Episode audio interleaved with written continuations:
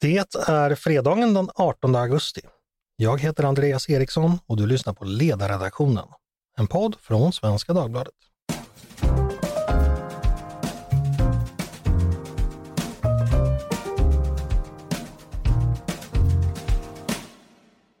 Och just den här fredagen den 18 augusti 2023 kommer aldrig att komma igen. Den äger rum just idag, just nu och just här. Så njut av den så länge den varar. Och vad kan vara mer njutningsfullt än att lyssna på ännu ett fredagsavsnitt av Ledarredaktionen, där vi i Svenska Dagbladets tyckeriverkstad delegerar en timme till att ta oss an det senaste och det hetaste av vad som skett i politiken. Vi ska peka ut de svarta svanarna, skjuta ner ankorna, överrösta fiskmåsarna, undvika att elda för kråkorna och kanske, kanske finner, som de blinda höns vi är, några korn av djupare sanning i samtidens kaotiska flöde. Blott tama fåglar längtar, vilda fåglar, de flyger, som någon sa. Och i mitt menageri idag har jag som vanligt en flock kollegor från ledarredaktionen, de som alltid brukar gästa mig på fredagar, med sina infall och tankar, hugskott och analyser, lärdomar och kvickheter. Idag heter de Mattias Svensson, Henrik Dahlgard och Peter Wemblad. Hej hej på er! Hej! Halloj halloj! Mattias, nu börjar ju vardagen rulla igång igen. Rullar du med den? Just nu vill jag leva, just nu. Är det så? Ja, men ja. Eh, i, idag är en bra dag, solen är tillbaka och eh, jag har lyssnat på Kiss på vägen in. Och mm. då måste man ju vara glad. Mm, absolut, du låter riktigt uppåt. Hörde du, det är vackert ute i Lidingöskogarna så här års. Har det kommit ut något att springa? Uh, oh ja, uh, igår faktiskt. Uh, jag njuter av att det fortfarande är uh, solsken så att man kan springa kvällstid efter jobbet. Mm, precis. Kanske hitta en och annan svamp också? Uh, det har jag inte gjort, men det finns det andra som gör. Du springer för fort för dem. Henrik, sista dagen på sommarjobbet, hur känns det? Ja, men det, det känns eh, bra faktiskt. Jag ska få veck, eller sommarens enda vecka semester efter det här, så det, mm. det ska bli väldigt skönt. Eh, men sen kommer jag faktiskt tillbaka eh, efter det och kommer skriva lite smått under hösten också. Så, så ni blir inte av mig Nej. med mig riktigt. Det kan både läsare och lyssnare se fram emot. Har du lärt dig någonting i sommar? Jo, men gud, jag har lärt mig massor. Eh, framförallt så har jag börjat läsa ledarsidor och kultursidor igen. Eh, någonting som jag har eh, unnat mig själv att inte göra de senaste åren. Men jag har faktiskt eh, återupptäckt att det är ganska kul att vara insatt i, i samhällsdebatten. Du har gått tillbaka till självskadebeteende. Exakt. Jag har återupptagit beroendet. Det är mycket det, härligt. Det låter bra det.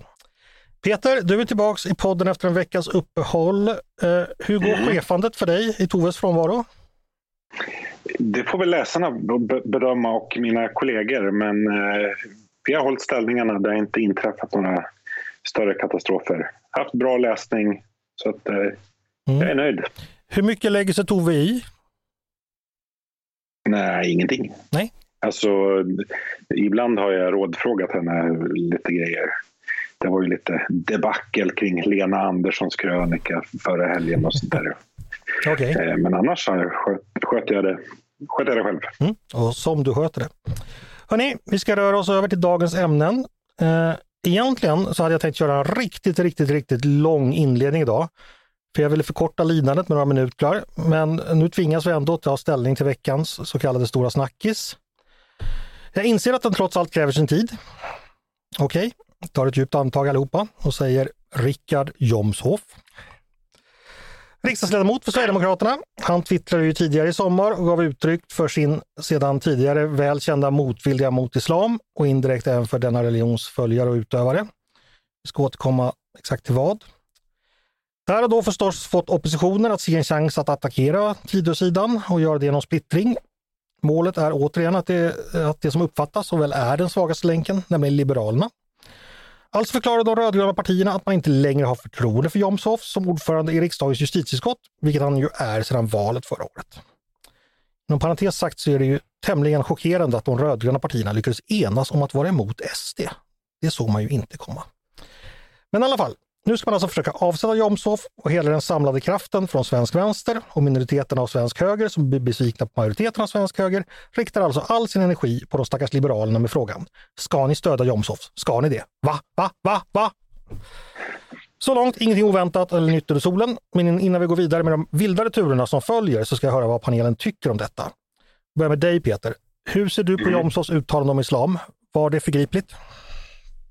De, de var sanna, men eh, väldigt otajmade. Okej, du nu är det Eh, otajmat. Du ser inte... Nej, men, nej, men så, jag tyckte att det var omdömeslöst. Mm. Eh, alltså, Sverigedemokraterna, när det, när det blir den här ty- alltså som ledande politiker, som ledande företrädare i en svår säkerhetssituation, då kan du liksom inte vara den där trulige tonåringen som, som eh, bara pratar och tänker högt. Du gjorde en jämförelse på Twitter idag att du eh, behöver inte heller eh, säga eh, när man åker till på statsbesök i Washington att oj, Biden visar eh, tendenser till demens, eller vad var det du sa? Ja, men precis. Alltså, det har ju varit det som har varit den, tycker jag, väldigt barnsliga reaktionen från Richard Jomshof och andra sverigedemokrater. Vad var det som inte var sant? Mm. Det, det är inte det som är frågan, utan det är liksom ton och timing. Och väldigt mycket i internationella relationer handlar om ton och timing. Om du bara ska åka världen runt och tala sanning eh, ja, det, kommer inte bli någon diplomatisk succé om man säger så. Okej, Eller men gå du... på middagar. Nej. Men Peter, nu, nu pratar ju du om den det diplomatiska aspekten och så här. Finns det inte en annan aspekt också att Jomshof helt enkelt visar motvilja mot muslimer som är en ganska stor grupp svenskar på ett sätt som inte är tillbörligt att en minister gör, att han helt enkelt beter sig och agerar eh, rasistiskt och fördomsfullt? Eh, så, så här, jag eh, hyser ingen tvivel om att eh, Richard Jomshof inte känner några starkare käns- varma känslor för muslimer. Men om vi ska vara noga så är det här uttalandet det handlar om så pratar han ju faktiskt inte om muslimer utan om islam som religion och Mohammeds göranden och havanden i Medina under 1600-talet. Som han kände var viktigt att dra fram i det här sammanhanget. Precis. Mattias, nu får du recensera Jomshofs uttalanden. Gör du samma bedömning som Peter? Eh, ja, men det gör jag och det är ju också det här att eh, när, när vi då har ett antal omdömeslösa manifestationer mot eh, islam, som jag förvisso också är kritisk till, Eh, i form av bokbränning och annat som ingen vettig människa egentligen är för. Eh, och eh, vi har en pedagogisk uppförsbacke att förklara att det här har folk rätt att göra i enlighet med den demonstrations och yttrandefrihet vi har i Sverige. Det är ingenting som regering eller riksdag står bakom. Eh, då, går, då går man alltså ut som ordförande i justitieutskottet och, och ger så att säga hö, eldunderstöd till just den här typen av de dummaste jäkla protesterna. Eh, det, det, det är ju inte begåvat. Mm. Eh, Henrik, samma fråga till dig. Vad säger du om Jomshofs uttalande?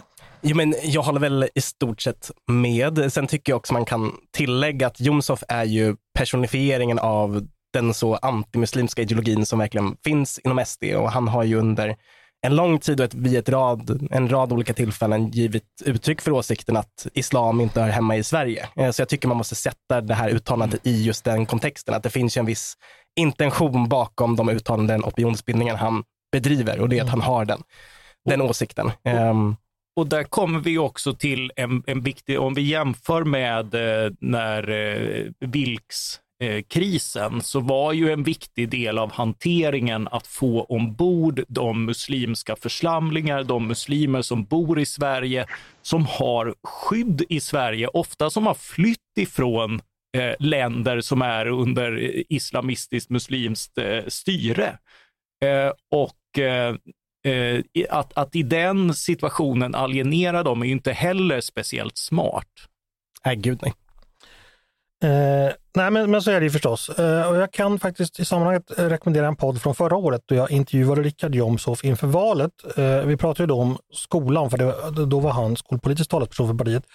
Men samtalet handlade väldigt, väldigt mycket om islam och för mig är det uppenbart att, ja, men som Henrik säger, eh, Jomshof är, vad ska man säga, anti-islam. Eh, vi nöjer oss att säga det, att, att det, det, han har en mycket, mycket, mycket stark motvilja mot den religionen som eh, dominerar, ska jag säga, han, hans politiska han karaktär. är, ja, han är ju lite av en one trick pony Ja. med det. Liksom. Vad som än händer. Alltså, ja, jag är skolpolitisk talesman. Islam är dumt. Hörrni, eh, då frågar jag Peter igen, nästa fråga. Är Jomshof olämplig som ordförande i justitieutskottet? Ja, men det har han alltid varit. Ja. Det, det, det, är ingenting nytt. Han gick inte över gränsen nu, utan det, det här är bara ett exempel på varför ja, han är det. Jag säger, vi kommer säkert in på det. Henrik skrev en text om det här i, i veckan om att eh, att vad jag, Jomshof, är olämplig som ordförande för justitieutskottet. Men det, det, har han alltid varit och det här visar illustrerar återigen hans omdömeslöshet. Mm. Eh, men så att liksom, Sverigedemokraterna borde ju dra den rimliga slutsatsen av det här och byta ut honom. Eller de borde egentligen då aldrig ha tillsatt honom, satt honom på den här eh, posten. Så jag tycker att han är olämplig på sitt uppdrag men för, för den skull tycker jag inte att, de att regeringspartierna ska hänga på den oppositionens omröstning. För det är mm. inte liksom här är nästa fråga Peter. Så, så. Ja. Mm. Okej, men eh, då hoppar vi över till Henrik då, i och med att du har skrivit om det. Vad, vad skrev du? Jo, men det, det, är väl som Peter var inne på här, att jag tycker den här frågan handlar om två olika aspekter. Den, den första är ju om Jomshof är olämplig för sin post och det är han, eh, kort sagt. Eh, liksom de uttalanden och de personerna som han har eh, omgett sig med eh, och gjort under eh, sin tid som riksdagsledamot är verkligen ett eh, tecken på det. Eh, men det ansvaret faller ju på Sverigedemokraterna, för det är de som utser sina representanter i utskotten. Och jag brukar sällan tycka synd om folkpartister, men det har jag faktiskt gjort under den här veckan eftersom det är hela oppositionen och även eh, andra liberaler i form av Centerpartiet och andra liberaler inom den bredare borgerliga sfären har ju verkligen använt Liberalerna som det huvudsakliga målet för den här kritiken. De är målet för meningen är att de ska byta sida. Det är ju ja, det som är hela tanken i den här operationen. Så att, ja, men precis. Och nu kanske jag hoppar in på, på din nästa fråga här. Nej, men, nej, men, eh, absolut. Nej, men, eh, eller fortsätt, hade du vill säga något mer? Jo, men det, det, är väl det här med liksom hur man ska hantera det. För jag tycker som ur ett liberalt perspektiv, att tycka att det ska vara eh, riksdagsmajoritetens uppgift att ständigt avsätta och tillsätta personer i utskotten sätter en ganska farlig praxis ur ett maktdelningsperspektiv. För det kan inte vara så att en riksdagsmajoritet ska kunna styra och ställa över andra partiers representanter i utskotten. Det tycker jag är en ganska farlig ordning. Eh, så jag tycker att SD har sluppit undan ansvaret lite här. Liksom, ansvaret ligger ju på dem att eh, de säger sig själva nu vara liksom redo att ta ansvar, utgöra ett regeringsunderlag och kompromissa fram budgetar och ta ansvar i säkerhetspolitiska lägen. De är uppenbarligen inte med sådana här företrädare redo att göra det och då tycker jag att de måste eh, beskyllas lite för det och mm. att Liberalerna inte ska ta hela smällen för liksom hela det här debaclet. Mm nu måste vi gå in på lite eh, djupare fakta här och fundera lite över, eh, ja, vi har redan lyft den principiella frågan. För det är en stor skillnad mellan minister som sitter med, i, med parlamentets förtroende och där finns det ju regler i regeringsformen om att kontrollmakten kan utövas, bland annat genom att man förklarar misstroende mot den ministern. Det är ingenting konstigt, det är vår grundlag. Att förklara misstroende mot en utskottsordförande i det egna parlamentet är någonting helt annat. Eh, nu har ju Sverigedemokraterna tack och lov inga ministrar så man kan inte avsätta dem. Eh, men, men det är ungefär samma grej man vill göra här. Samma. Eh, Mattias, vad tänker du om det? För det, det här är ju liksom en ovanlig åtgärd att man ger sig på en utskottsordförande som är vald av, av, av kammaren, så att säga, eller av kammarmajoriteten. Vad, vad, hur, hur ser du på det steget? Eh, ja, det är ju samtidigt en ovanlig konstruktion där fyra partier har formulerat politik ihop och Eh, ofta håller presskonferenser kring förslag, beredningar. Det finns tjänstemän på statsrådsberedningar. Men så var det under januariöverenskommelsen också. Ja, eh, och, och, men det gör ju, det här är ännu mer systematiserat. Eh, och, och, eh, och håller ju. Eh, Nej, och, men det är ja. ungefär som Göran Perssons samarbete med Miljöpartiet och Vänsterpartiet. De hade också tjänstemän ja, på regeringskansliet. Ja, ja så, så är det förvisso. Mm. Men, men det, det, är ju liksom ganska nära ett regeringssamarbete och, och just det nära deltagandet och delandet på utspel och liknande. Jag, jag, jag förstår ju att man i det läget från oppositionen vill skruva upp och, och liksom göra något regeringsliknande också av Sverigedemokraternas företrädare när de är den svagaste punkten. Och det är de på det här området. Så, så det är ju eh, det, det, det, är förståeligt, men jag håller ju med Henrik om att Alltså det var förståeligt när sossarna bröt ut delar ur alliansens budget och ihop med SD röstade ner dem. Det, det var, det var käppar i hjulet och det var roligt och, och sånt där. Men, men det satte ju en, en förlaga eh, som, som gav partiet kontroll och som gjorde att budgetprocessen blev mindre eh, hanterlig och förutsägbar. Vi fick ändra reglerna också efter det, var det Ja. inte så? Man- Eh, Peter, vad tänker du om det här, det här principiella sättet att, eh, göra- att agera som opposition, att ge sig på en utskottsordförande? Ser du några problem med det eller är det, är det vad man kan räkna med? Ja, jag ser problem med det. Eh, ungefär samma som Henrik. Alltså, vi har den här ordningen att utskotten, alltså, det finns en generositet eh, i, i riksdagens arbete. Alltså att trots att vi har en, ett regeringssamarbete som har en majoritet så låter man ändå oppositionen eh, få ordförandeposten i vissa utskott. Eh, det vill säga, ska vi liksom tillämpa den här förtroende såna här förtroendeomröstningar hela tiden, då skulle alltså i princip regeringssamarbetet i varje läge kunna rösta bort eh, oppositionens Mm. presidie. Eh, och det tycker jag Alltså det, man kan i och för sig argumentera för en sån ordning att den sittande regeringen också ska ha presidieposterna i, i alla utskott. Men jag, jag tycker nog att den här eh, generositetsprincipen är, är rätt bra. För vad jag har förstått, eh, ni får rätta mig om jag har fel, men hur det brukar gå till då, det är ju då att de största partierna i respektive block eh, möts efter valet och då delar man upp utskotten på blocken som sen i sin tur delar upp dem internt. Och det är alltså de Moderaterna och Socialdemokraterna som har stått för det.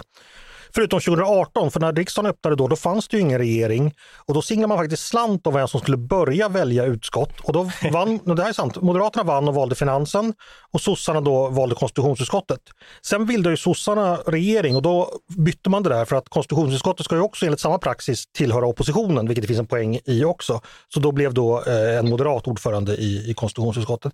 Så det har funnits lite gentleman agreement som jag tror åtminstone går 30 år tillbaka. Eller här, som, som, ja, jag, såg exempelvis att eh, Johan Inger, Kristdemokraternas tidigare partisekreterare, twittrar om det här att det är ju ett brott med praxis som kan få konsekvenser. Det vet vi ju inte, men, men Mattias jämförde exempelvis det här med att bryta ut för budgeten då.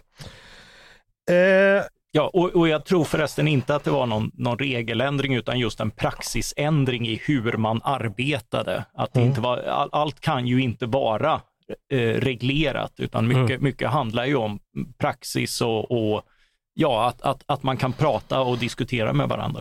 ja. Och att det finns en poäng med att man då sprider presidierna över hela det parlamentariska spektrat också. Sen, sen vet inte jag, Andreas, om du har koll på det här, om det är så att, eh, alltså om vi säger nu att Sverigedemokraterna, riks, Sverigedemokraternas riksdagsgrupp eh, skulle komma fram till att de inte har förtroende för Jomshof som utskotts, utskottsordförande.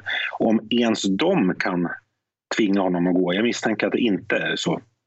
Där vågar inte jag Eh, svara det Peter, det får vi nog kolla upp eller be någon lyssnare som, Nej, som kanske vi, vi, jag vet, vi, när jag var lokalpolitiker hade vi ett sånt här eh, fall på Gotland där en socialdemokratisk nämndordförande hamnade i öppen konflikt med regionstyrelsens ordförande. Alltså kontentan var att nämndordföranden inte längre hade partiets förtroende. Mm. Men han satt ju kvar i alla fall. Okej, ja, det, Eh, För att det gick inte att tvinga bort honom. Vi ger oss själva hemläxa du och jag Peter att kolla upp det här till, nä- till nästa vecka. Ja.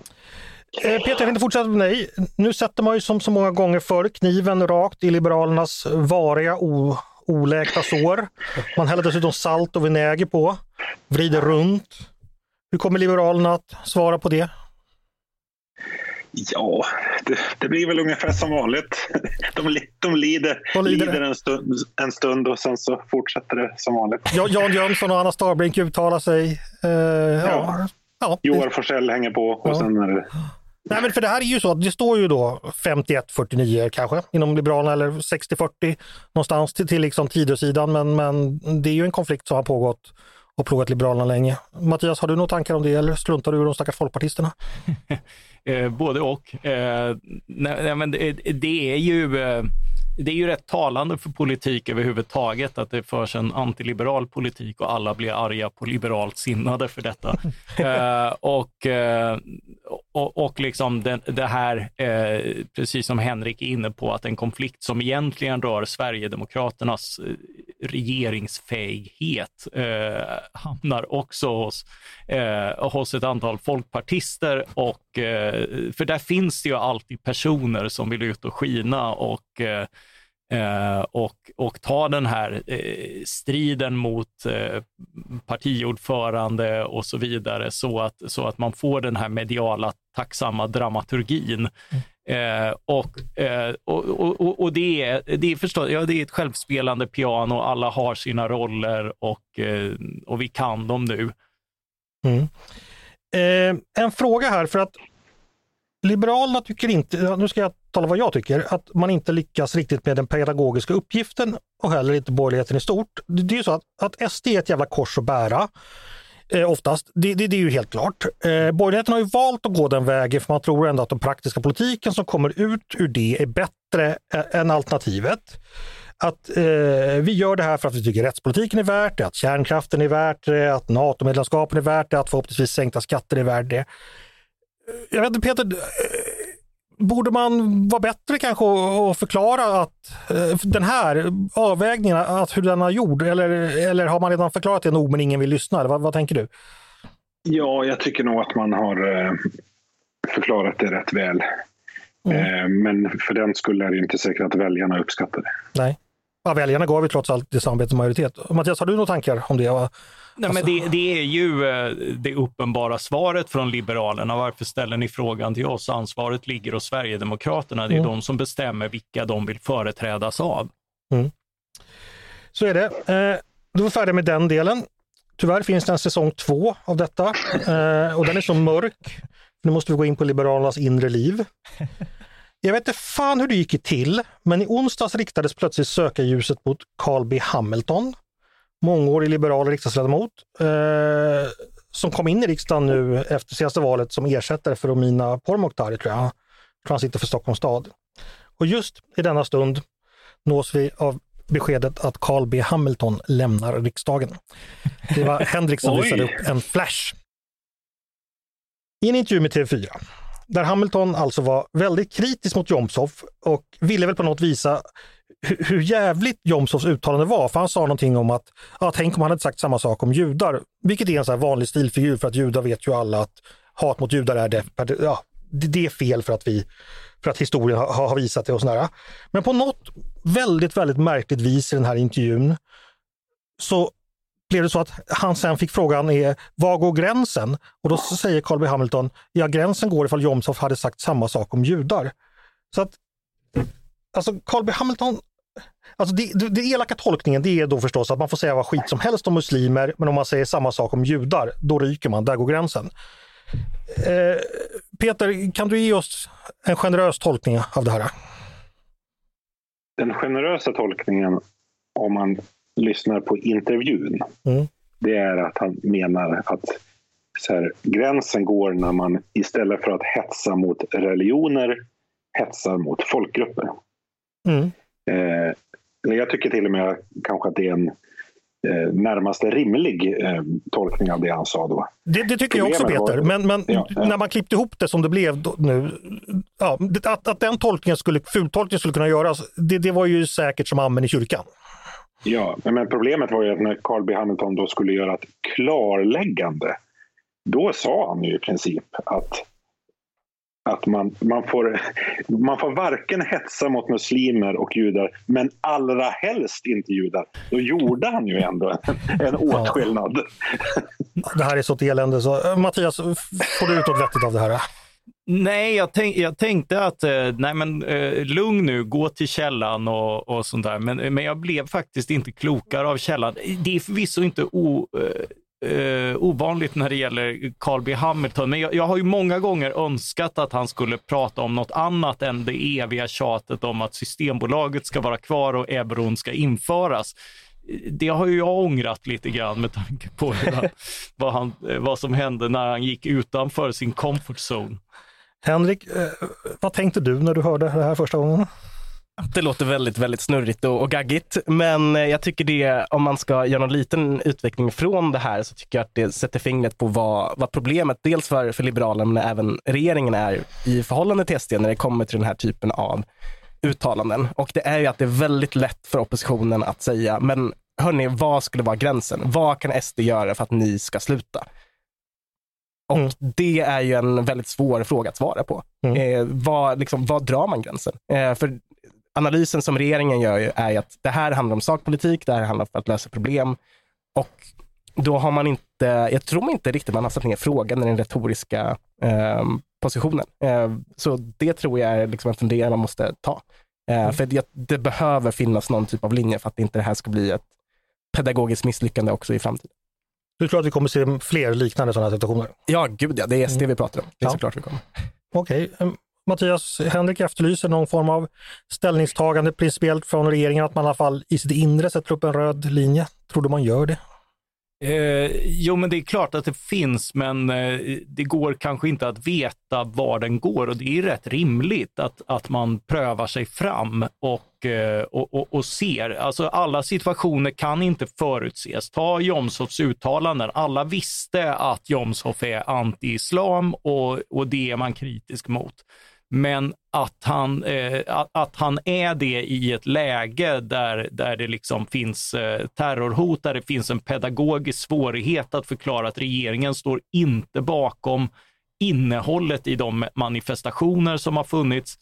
Eh, det, det är ju en situation som man kanske inte hade kunnat Mm. förutse och, och, och rita kartor över, och, och linjer över. Och på samma sätt, vad tycker väljarna om det här? Alltså om, om det här samarbetet är en framgång eller sänke för borgerligheten som redan kämpar med sjunkande stöd. Det är ju också avgörande för, för hur det går och vilka reformer man kan gå, få igenom. Det finns inga färdiga svar. Det här är ett oprövat territorium, det är en process eh, och, eh, och, och lite ödmjukhet för att det får vara det tycker jag ändå att vi ska ha. Mm. En sista fråga innan vi lämnar eh, Carl B Hamilton, eh, vänder mig till Peter. Eh, det är inte så att Jomshof också är tolk för en visserligen eh, kanske inte jättestor men ändå betydande väljargrupp som hyser genuint anti-islamska och antimuslimska tankar, och åsikter? Eh, jo, det tror jag absolut. Eh, dock tror jag, jag föreställer mig att alltså den andelen av SDs väljare är sjunkande. Alltså nu har trots allt Sverigedemokraterna, det är ett 20 parti. Eh, jag tror att det finns minst, många, minst lika stor andel av Sverigedemokraternas väljarkår som är minst lika angelägna om att liksom slå vakt om den nationella säkerheten och inte liksom fara ut i såna här obetänkta grejer som skapar massa följdeffekter. Mm. Vi sänder en tanke till de liberala krishanterare som fick arbeta lite extra eh, på grund av att Carl B Hamilton fick lite feeling i onsdags. Men nu måste Men vi... det är väl också lite av läxan. Alltså, eh, även om du är rutinerad, ta inte medieintervjuer på uppstuds. Tänk inte högt. Ha dina budskap klara och så vidare. Ja, precis. Hörni, eh, nu måste vi muntra upp oss lite och nu har vi pratat Carl B Hamilton och, då måste jag bara få göra en jätterolig utvikning. Eh, tanken på honom gör mig väldigt munter och det har med Peter Wolodarski att göra. Vet ni vad, vad jag siktar på nu? Hamilton Munkhammar Liberalerna. Nej, det är så här att eh, eh, bakgrunden är så här. 1933, blott fyra dagar efter det nazistiska maktövertagandet, skrev den kände Torgny Segerstedt i Göteborgs Handels och Sjöfartstidning så här. Herr Hitler är en förolämpning. Sen dess är det så att säga, herr X är en förolämpning, det är liksom ett liberalt supervapen. Alltså alla unga liberaler lär sig det, där man tar till i yttersta, yttersta nöd. Vi snackar alltså Tranans teknik i Karate Kid. Vi snackar när Ghostbusters korsar sina strålar från protonpistolerna. Vi snackar den lilla flaskan med, med, med ljus från, från vad det nu är som, som Sam får av Galadriel som han ska ta fram när det är som mörkast. När det är som värst läge, då säger man herr X är en förolämpning. Såg du min snygga eh, om Erdogan för övrigt, när, eh, när jag skrev herr Erdogan och en förolämpning? Nu ska jag berätta en historia Mattias. Peter Wolodarski då, en av vår tids stora liberaler, han vet att han bara har ett skott med det här. Vem siktar han på med det? Är det herr Trump i en förolämpning? Är det herr Putin i en förolämpning? Är det, det Orban? måste vara en intern strid i Folkpartiet. Ja, för det är herr Hamilton är en förolämpning. I en uppretad diskussion 2012 om eh, EUs finanspakt. nämligen. Där tyckte Peter Wolodarski att man skulle vaska sin enda, sin enda chans att skriva att någon, någon var en... Eh, ja, för, för mig som, som då känner Folkpartiets inre liv så tycker jag det här är det gör mig väldigt munter i alla fall. Men det var ju eh, eh, under eh, euroåret eh, 2003, eh, som nu är 20 år sedan, eh, så eh, var ju Peter Wolodarski kritisk mot de så kallade Hamilton-Munkhammar-liberalerna som var sådär eurotrogna att ingenting med euron var fel någonsin. Det var en väldigt rolig kritik på den tiden. Peter Wolodarski var en ung, lovande och vass ledarskribent. Så var det 2003. Eh, hörni, vi ska gå vidare eh, och då ska vi prata om eh, ytterligare allvarligare saker, eh, delvis förknippat med det vi precis har diskuterat. För igår förklarade ju Säpo att man ändrar terrorhotsnivån i Sverige från förhöjt hot, eh, det man kallar en trea, till ett högt hot, det man kallar en fyra på en femgradig skala. Eh, Peter, eh, Mm. från tre till fyra, mm, vad har vi för nytta av att veta det? Nej, inte så mycket egentligen. Jag tror att det mest är en eh, vägledning för, för eh, staten, alltså hur myndigheternas arbete. Mm. Men som, som medborgare ger det ju inte så mycket vägledning. Samtidigt eh, hade ju regeringen presskonferens igår och ett budskap då det var ju att leva på som vanligt och inte vara rädda. Eh, är det klokt Peter? Ja, det, det går egentligen inte att ge så, så eh, många andra råd. Eh, alltså, det, skulle det uppstå den situationen att det blir ett konkret terrorhot mot en byggnad, en plats eller vad det nu är, ja, då kommer ju förutsätter jag att myndigheterna kommer att agera på det och gå ut med liksom tydliga råd till befolkningen om hur man ska bete sig. Men i det här fallet så, så finns det inte det. Mm. Eh, när vi pratade om det här i morse Peter, eh, när vi pratade då hur hur vi ska agera så sa du så här att det här är något av det svåraste för en ledarsida. Det är den stora snackisen just nu.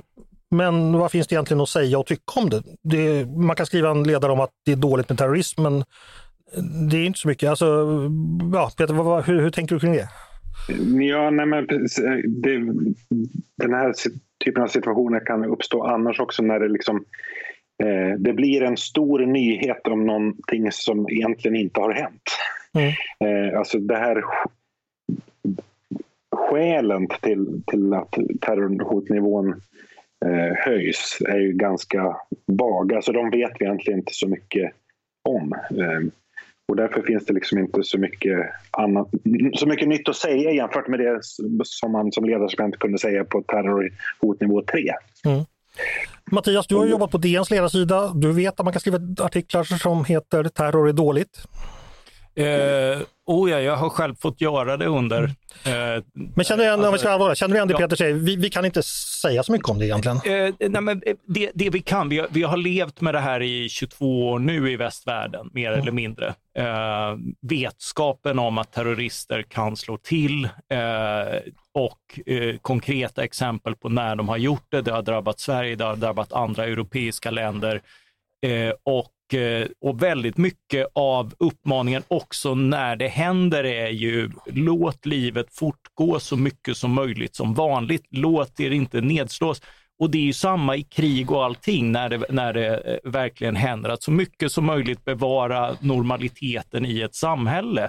Och, det, och, och därför blir jag så förvånad över, ja, men vad, ska vi göra nu? Eh, ja, du ska inte krypa ner i ett skyddsrum och, och, och, Duck and cover. Ja, exakt. Utan, eh, eh, utan leva på som vanligt därför att det är, eh, det är ett diffust hot. Det har väldigt mycket med eh, Iran att göra. Eh, det är de som agerar. Det är de som har, vi har en eh, rättegångsprocess nu mot, eh, för eh, folkmord eh, av en eh, person i Sverige som har begått folkmord i Iran och det är därför eh, väldigt mycket som vi är utsatta för den här typen av hot. Eh, så eh, Eh, så, så det, är- det är en utpressning från en, en totalitär och mycket farlig stat som agerar. De agerar i Danmark, de agerar i Tyskland. Eh, de har trappat upp eh, fientligheter och, och den typen av hot, precis som Ryssland, finns hela tiden. Och, och vi måste på något sätt, alltså inte, absolut inte blunda för dem, men definitivt lära oss att leva med dem och, och lära oss att, och, eh, att, att fortfarande vara glada över det faktum att vi har överlägsna fria samhällen och dra den fulla nyttan av det. Henrik, du nickar. Du håller med Mattias? Jo, men jag, jag tycker det ligger någonting väldigt viktigt i det, för statsministern sa ju det på på den här presskonferensen att eh, vi försvarar de värden som, som Sverige står för i form av frihet och, och öppenhet och, och, tolerans. Och de typen av, av värdeord kan ju lätt te sig väldigt abstrakta, men de tar sig uttryck i våra vardagliga liv. Att vi kan eh, gå och handla med den fria kommersen på den fria marknaden. Vi kan ta del av fria medier, vi kan lyssna på musik, underhållning, gå på konserter. Liksom, det är det som de här principerna i grund och botten åsyftar. De fria liven som vi alla lever i i vardagen. Eh, så då tycker jag att man ska fortsätta leva efter de principerna. Fortsätt lev, kära lyssnare. Eh, Peter, du twittrade så här igår. Eh, det här är en liten besläktad fråga, för det handlar ju om eh, eh, det här med hur vi ska förhålla oss till koranbränningarna. Så här skrev du. Mm. Försvaret för ovillkorad demonstrationsfrihet har uppenbara beröringspunkter med Europa bygger inga murar-politiken. En stenhård princip som kommer omhuldas fram till dess att den möter sin yttersta konsekvens. Är det vad du förväntar dig att jag och andra som försvarar dagens reglering kring yttrandefrihet bara behöver ett rejält terrordåd för att ändra oss? Så fort man dödar 100 människor i Stockholms tunnelbana så kommer jag vilja inskränka yttrandefriheten. Jag säger inte att just du kommer, men jag tror... Jag, jag du är delvis jäveln. att vi kommer få en helt annan diskussion. Okay. Alltså det, det jag försöker säga är ju att så jag, jag saknar liksom en diskussion om... Nu är det liksom många som bara säger att här, vi, vi ska, i varje läge ska stå upp. Men alltså, så att stå upp har också kostnader. Mm. Och frågan är liksom, hur stora kostnader är vi beredda att ta för att det i varje läge ska vara tillåtet att eh, göra vad man vill på en, eh, på en demonstration. Det handlar inte, behöver inte bara handla om att bränna koraner.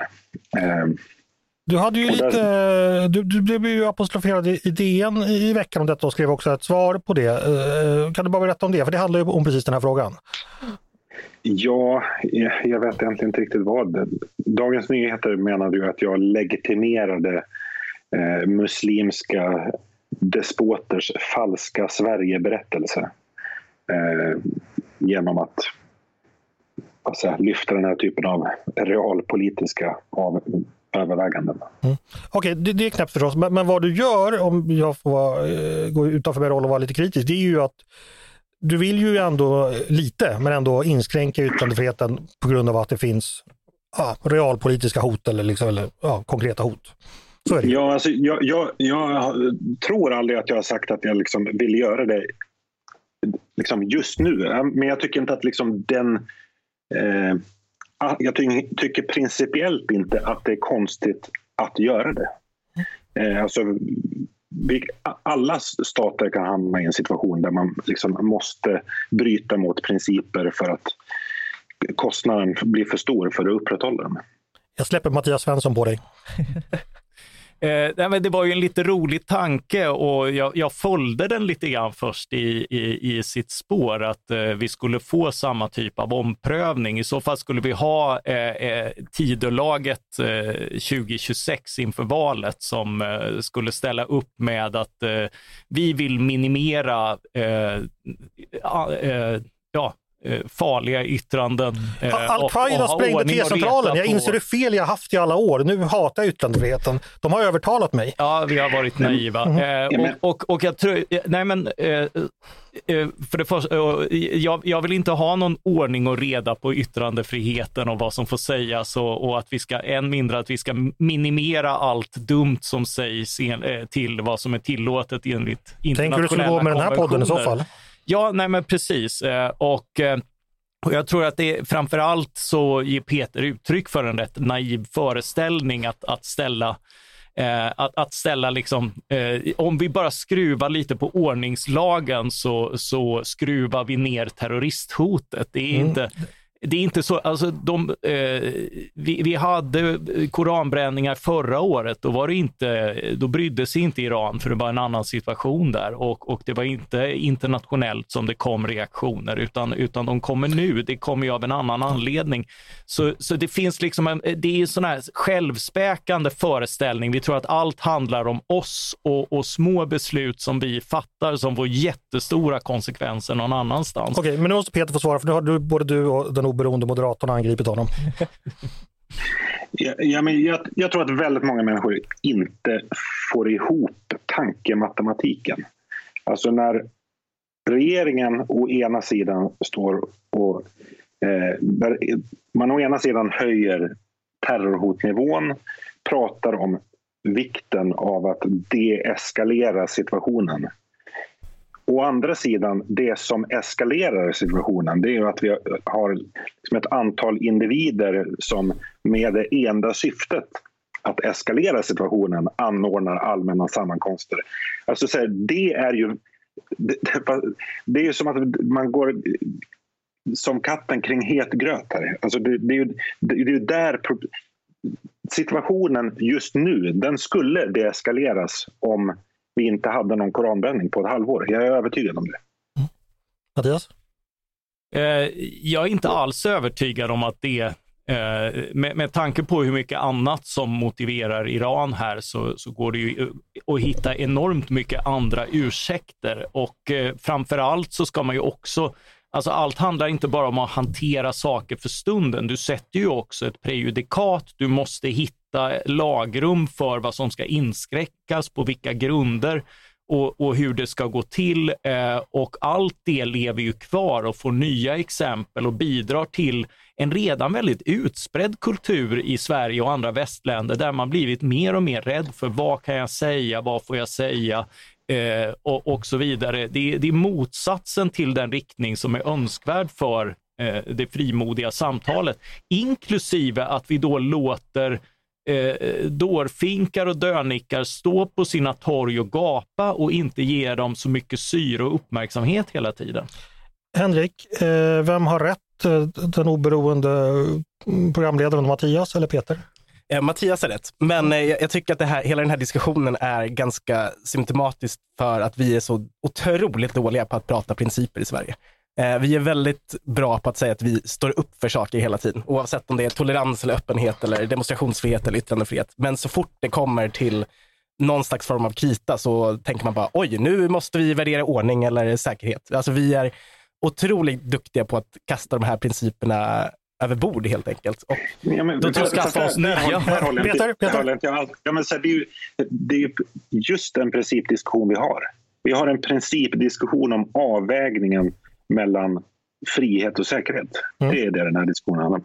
Ja, fast, det, fast, det, är naivt att tro att det är någon slags reglage där, där om vi brider ner det andra så får vi mer av det ena. Eh, Fast det ja, tror inte ja, absolut. Men det, men, det, men det är ju liksom en konstant problematik på alla politikens områden. Du vet aldrig vilket utfall nej. Eh, nej, men, nej, men precis Peter, men, men, men du låtsas att du kan få mer av det ena genom att ha mindre av det andra. Och det är sällan... Peter låtsas ju inte, han gör ju bedömningar. Han gjorde ju precis bedömningen att ja. om, om, vi inte har någon koranbränning då slipper vi det här på. Ja, ja exakt. Och, och, och om, vi, om, vi tystar, vi diskuterar... om vi tystar lite till och klär kvinnor i burka så kanske vi får fred i Mellanöstern. Men jag tror inte det.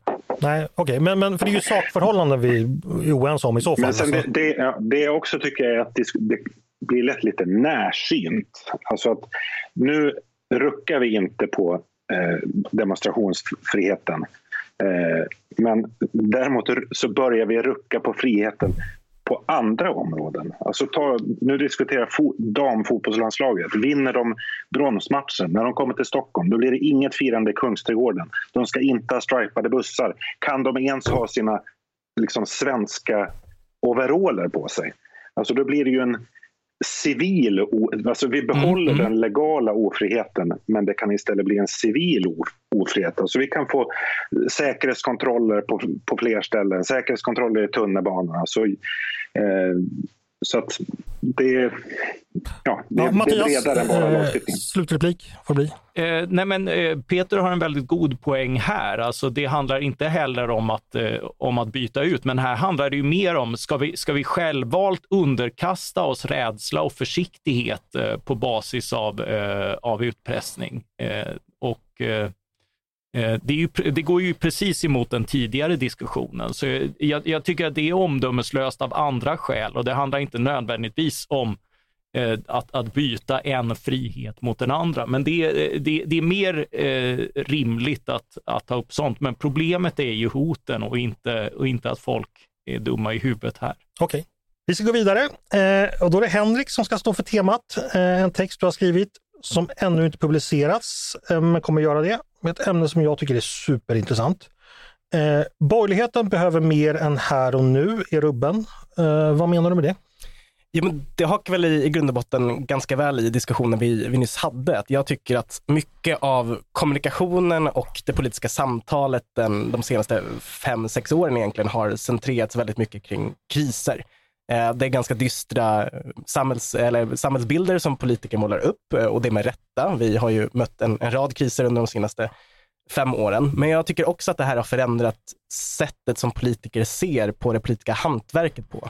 Att politik ses numera, framförallt inom borgerligheten och regeringen, som liksom den primära uppgiften för politiken är att släcka bränder, det är att lösa problem. Um, Ulf Kristersson sa ju exempelvis i en intervju förra året att det här med att syssla med principiella frihetsfrågor, det är lite av en lyx. Det är någonting som vi kan göra när, när solen skiner och allt är bra, men nu måste vi lösa problem. Elpriserna måste ner, brottsligheten måste lösas, kriget i Ukraina måste eh, hanteras och, och, så vidare. och så vidare. Och om man bara motser att det är, tycker jag, en, en falsk, falsk motsättning som Mattias tidigare har, har skrivit om eh, utifrån den intervjun, eh, Eh, så tycker jag att det finns skäl att nyansera den här ganska mörka beskrivningen av, av samhällsutvecklingen i, i Sverige. För det finns ganska mycket tecken på, framförallt integrationsområdet, att saker går åt rätt håll. Eh, till exempel har vi aldrig haft så få som lever i, i bidrag som idag, eh, sedan Socialstyrelsen började mäta på, på 90-talet. Vi ser även att sysselsättningen ökar väldigt snabbt hos utrikesfödda. Eh, vi har alltså fler som jobbar och färre som går på bidrag. Och det här tror jag, eller jag hoppas i alla fall, att det kan få borgerliga politiker att börja tänka på politik på ett annat sätt. Att vi kanske har en inom en medellång framtid i alla fall, eh, en situation där borgerligheten och regeringen måste fundera på vad de verkligen vill, bortanför att släcka bränder. Eh, och fundera lite på vad ska det borgerliga projektet vara idag? Eh, mm. vad, vad ska man ha för idéer? Och det kanske är dags att leta fram det där idéprogrammet som Moderaterna skrev 2001, men sen som hamnar någonstans i en dammig byrålåda. Eller det som var 2021. Ja, just det. Mm. Sudda, sudda, sudda bort din sura min, tycker Henrik. Eh, Mattias, det här gillar väl du?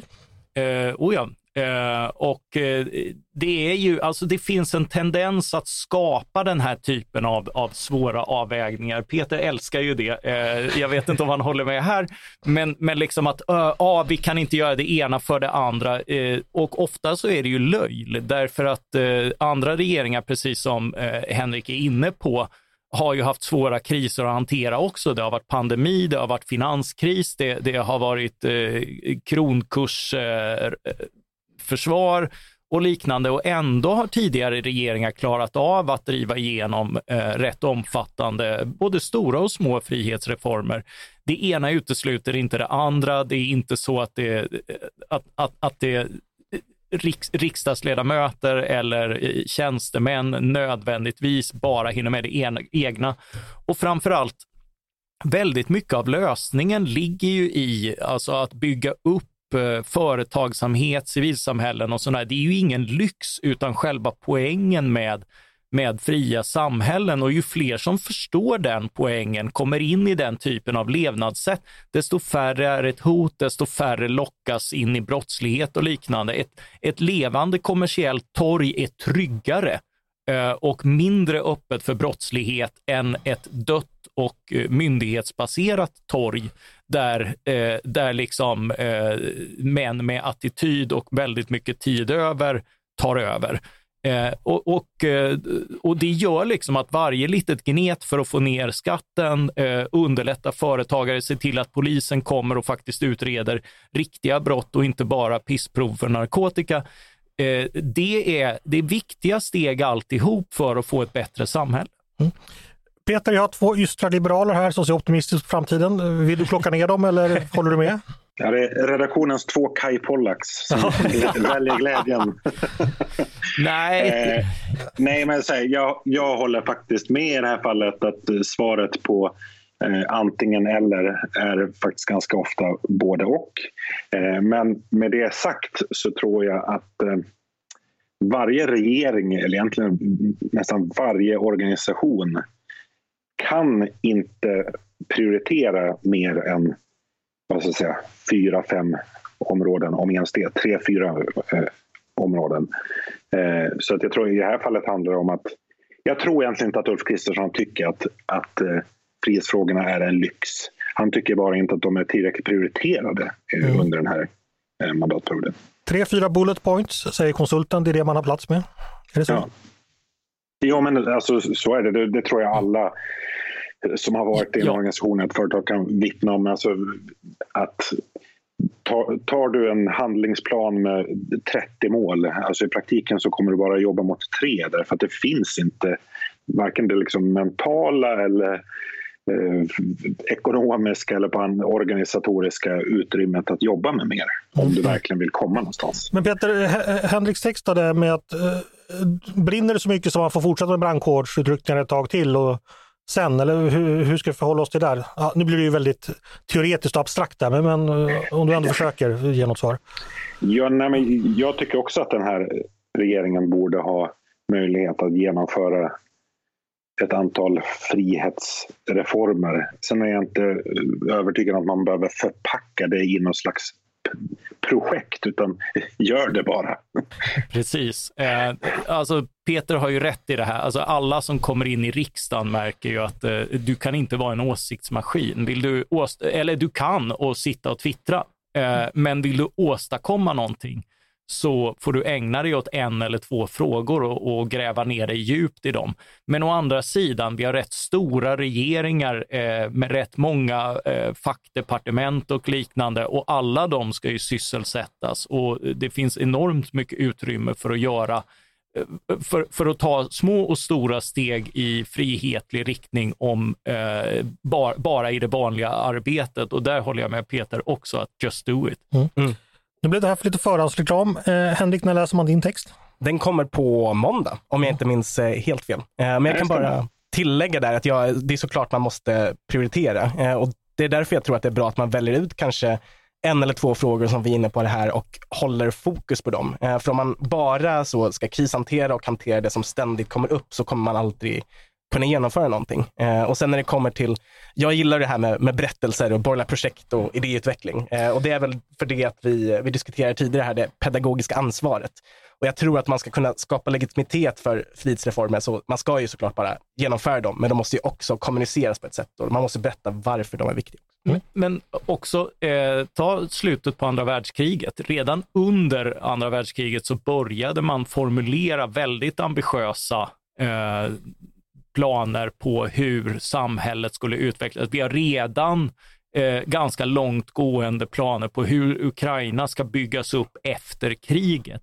Och det är ju inte bara Eh, alltså det är dels en livsnödvändighet under kriser för att kunna hantera dem, att det finns någonting annat och bättre där längre fram.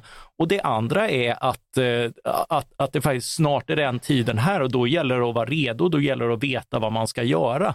Eh, så, och, och det är ju definitivt inte värre situationer än vi har i Sverige. Tack för det. Eh, då är det dags att gå vidare. Nu har det nämligen blivit dags för mitt stora favoritmoment. Eller jag sa fel, tvärtom. Det är definitivt värre situationer än vi har i Sverige. Det var ingen som lyssnade på dig, så var ingen som hörde. Nej, men lyssnarna lär ju korrigera mig annars. Hörni, vi ska gå vidare, eh, för det har blivit dags för mitt stora favoritmoment som sagt. Det är det som vi kallar Är du smartare än en ledarskribent? För nytillkomna lyssnare ska jag kort förklara att det är en snabb och trevlig triviaövning där jag testar kollegornas kunskaper om ditt och datt. Ni där hemma kan också vara med och tävla och svara din rättare och snabbare än vad mina kollegor gör. Då är ni helt enkelt smartare än en ledarskribent. I alla fall just dessa. Eh, reglerna kan ni. Man svarar genom att säga sitt namn. Vill man chansa innan jag läst färdigt frågan så får man det. Men då slutar jag läsa och man riskerar dessutom minuspoäng. Man har bara en, ett svar per fråga och vinnaren får en veckas evig ära. Den ren mästarinnan heter Paulina, eh, men hon är inte här idag. Och Eftersom Peter gör comeback så vill jag göra ett litet uttalande. Eh, Peter sa ju för två veckor sedan att frågorna var som gjorda för Mattias. Eh, Det var ju ett obalanserat och hatiskt uttalande, gjort mitt i en känslostorm av frustration och besvikelse. Men även sådana kan innehålla en korn av sanning. Och det här har gnagt i mig. För kornet består nämligen i att frågorna är gjorda av, av Andreas. Och Andreas och Mattias har väldigt mycket gemensamt när det gäller intressen och referensram tror jag. Detta kan, jag säger kan, ibland otillbörligt ha påverkat tävlingen. Så mitt löfte nu är att försöka gå in i era andras liv och era perspektiv. Så korta talets långa mening, Peter. Det blir alltså mycket belgiskt elektro idag. Låter det bra? Viv, vivla fett alltså. Eh, Henrik, skulle jag kunna få en stump papper och en penna? Absolut. Så kör vi. Är ni redo? Mm. Belgisk Elektro alltså. Eh, det är ju skolstartstider, så jag tänkte ställa lite frågor om skolan. Det var en elak start. Det var en elak start. Eh, jag söker en tidigare vänsterpartistisk politiker och lärare som 1994 blev skolminister i Ingvar Carlssons tredje regering. Mattias, Mattias, Ylva Johansson. visst var det hon?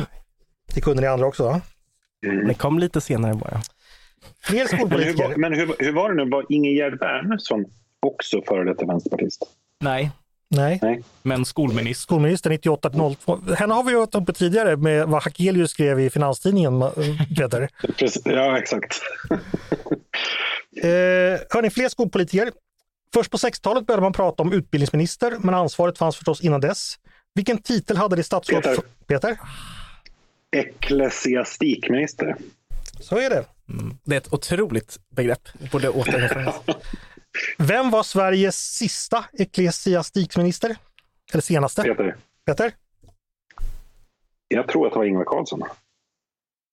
Nej, då hade du hunnit byta namn. Ja, okej. Någon mer som vill chansa? Nej, Ja, Mattias, jag chansar på Gustav Möller, men han var ju socialminister mest. Nej. svaret var Olof Palme. Under Ja. Alltså, det var Palme minsann.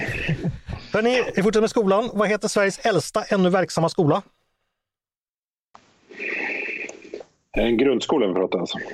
Nej, det är det inte. Det är ett gymnasium kan jag säga. Möjligtvis att det finns grundskola där också, det vet jag inte. Henrik, Henrik? Katedralskolan. Ja, det är rätt. Ja, men vilken stad? Vilken stad? Det finns flera katter. Den i Linköping var inte så fin, för jag gick på rivalskolan, men eh, vi, vi kan väl säga. Det var Katedralskolan i Lund och du, du får rätt för det. Faktiskt. Eh, då ska vi gå vidare med skolkunskaperna. Eh, Vi ska prata klassiska skolkunskaper. Då börjar vi med ämnet historia. Hur många gånger var Karl Knutsson bonde kung av Sverige? Mattias, Mattias? jag chansar på tre. Det var helt rätt. Äh. Biologi. Var ligger de Langerhanska öarna? Peter, du gick natur på gymnasiet. Ah, Peter, jag gick och chansar. Ja, Nej, glömde. Utanför Öland tänkte jag säga. det är, ju- det är ju biologi det här. Ja, men, jaha, det, Det är inte geografi. ja, ja, ja, det så var det ja. Det var inte geografi. Nej, svaret är att de ligger i bukspottkörteln. Ah, Kemi då? Eh, inte utanför Öland. eh, kemifråga. Eh, om jag har lite C2H5OH, vad har jag då? Järn, Henrik. Mm. Järn. Nej, det är Fe. Det här är en förening. C2H5OH. Peter, Peter? alkohol. Absolut. Ah. Ett vanlig hedlig etanol. Vill du ha lite tonic till? Ja, tack. Ska vi ta svensk grammatik? Nej, vi hade tänkt ta svensk grammatik, men där hade jag förberett ett skämt med Paulina, så den tar vi nästa gång om hon är sjuk. Vi tar geografi då. Eh, vilka tre landskap i Sverige har en landgräns mot Finland?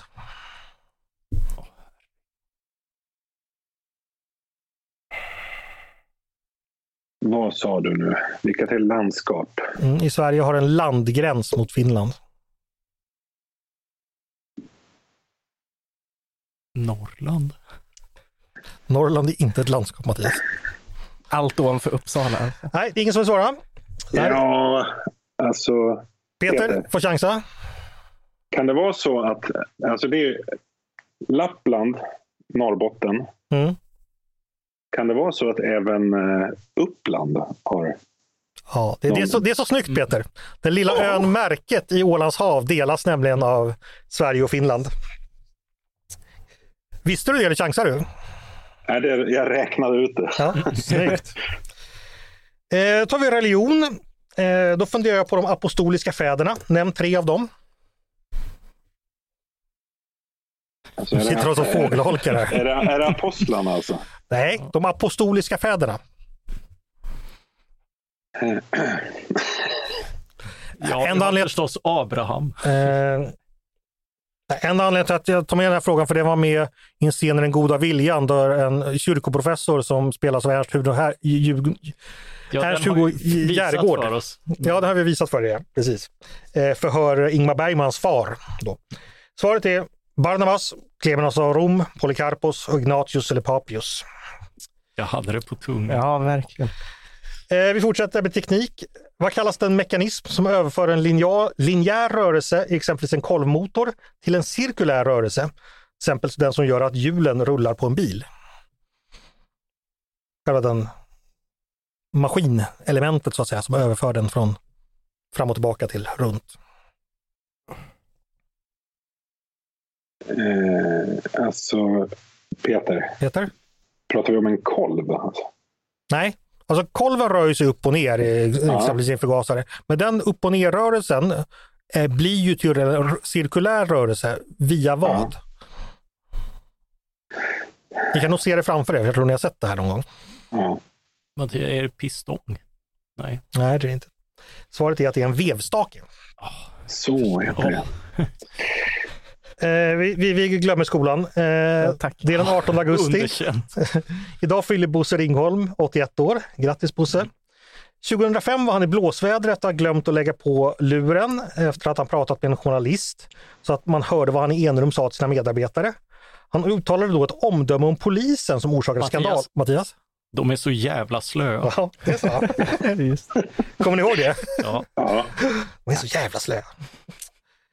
Eh, ja, vi pratar ju Säpo och hotnivån också. Eh, vem var chef för Säpos föregångare eh, RPS SÄK mellan 1970 och 1976?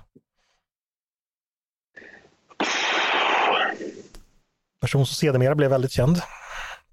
Eller han var känd då också, men Peter, Peter? kan det, vara, kan det ha varit Hans Holmér? Ja, helt rätt. Ehm, det var sista ordinarie frågan. Den måste Mattias ta då för att få fram ett, eh, en utslagsfråga. I vilken kommun ligger Säpos huvudkontor? Mattias, Ja, jag vill chansa på Solna. det är helt rätt. Den ligger faktiskt i Ingenting, som området heter. Hörni, eh, fyra till Mattias, fyra till Peter, ett till Henrik. Är det framsteg från förra gången i alla fall? Jaha, då blir det en utslagsfråga. Idag, Oj, oj. Är, Kom- det, är det popmusik nu? Nu är det belgisk elektro. Nej, idag kom det ny befolkningsstatistik från SCB. Det kunde konstateras att Sverige hade haft den minsta folkökningen under det första halvåret på hela 18 år, sedan 2005. Hur mycket ökade befolkningen under det första halvåret i år? Närmast vinner. Och då får Mattias börja eftersom han ofta blir gynnad. Mm. 52 000. 52 000 tror Mattias. Vad tror Peter? Mm. 55 000. Aj, aj, aj, aj, aj Peter. Det var bara 23 Nej. 754. Va, vad sa du att... 23 754 bara. Oj, jag hade 26 på tungan. Ja.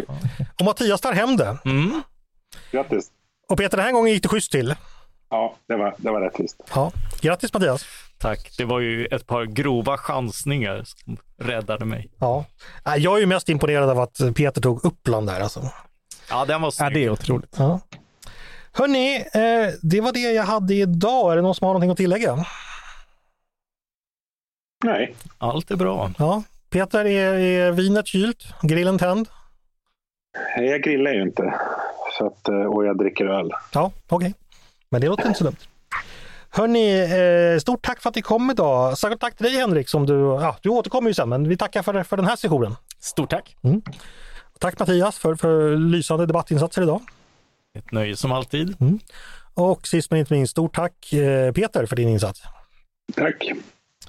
Tack till er som har lyssnat också på Ledarredaktionen, en podd från Svenska Dagbladet. Ni är varmt välkomna att höra av er till redaktionen med tankar och synpunkter på det vi precis har diskuterat. Eller om det är så att ni har idéer och förslag på saker vi borde ta upp i framtiden. Och glöm inte bort det där med att ni som vet hur det fungerar med, eh, vad var det vi frågade om, utskottsplatser eh, och hur man får bort Ja, utskottsordförande. precis, om partiet kan avsätta eh, en... Exakt. som är min och Peters läxa till nästa gång. Då. Men ni får gärna hjälpa oss med den. Eh, har ni svar på det eller svar på något annat eller andra tips så mejlar ni ledarsidan snabel svd.se. Dagens producent, han heter Jesper Sandström. Själv heter jag Andreas Eriksson och jag hoppas att vi hörs igen snart.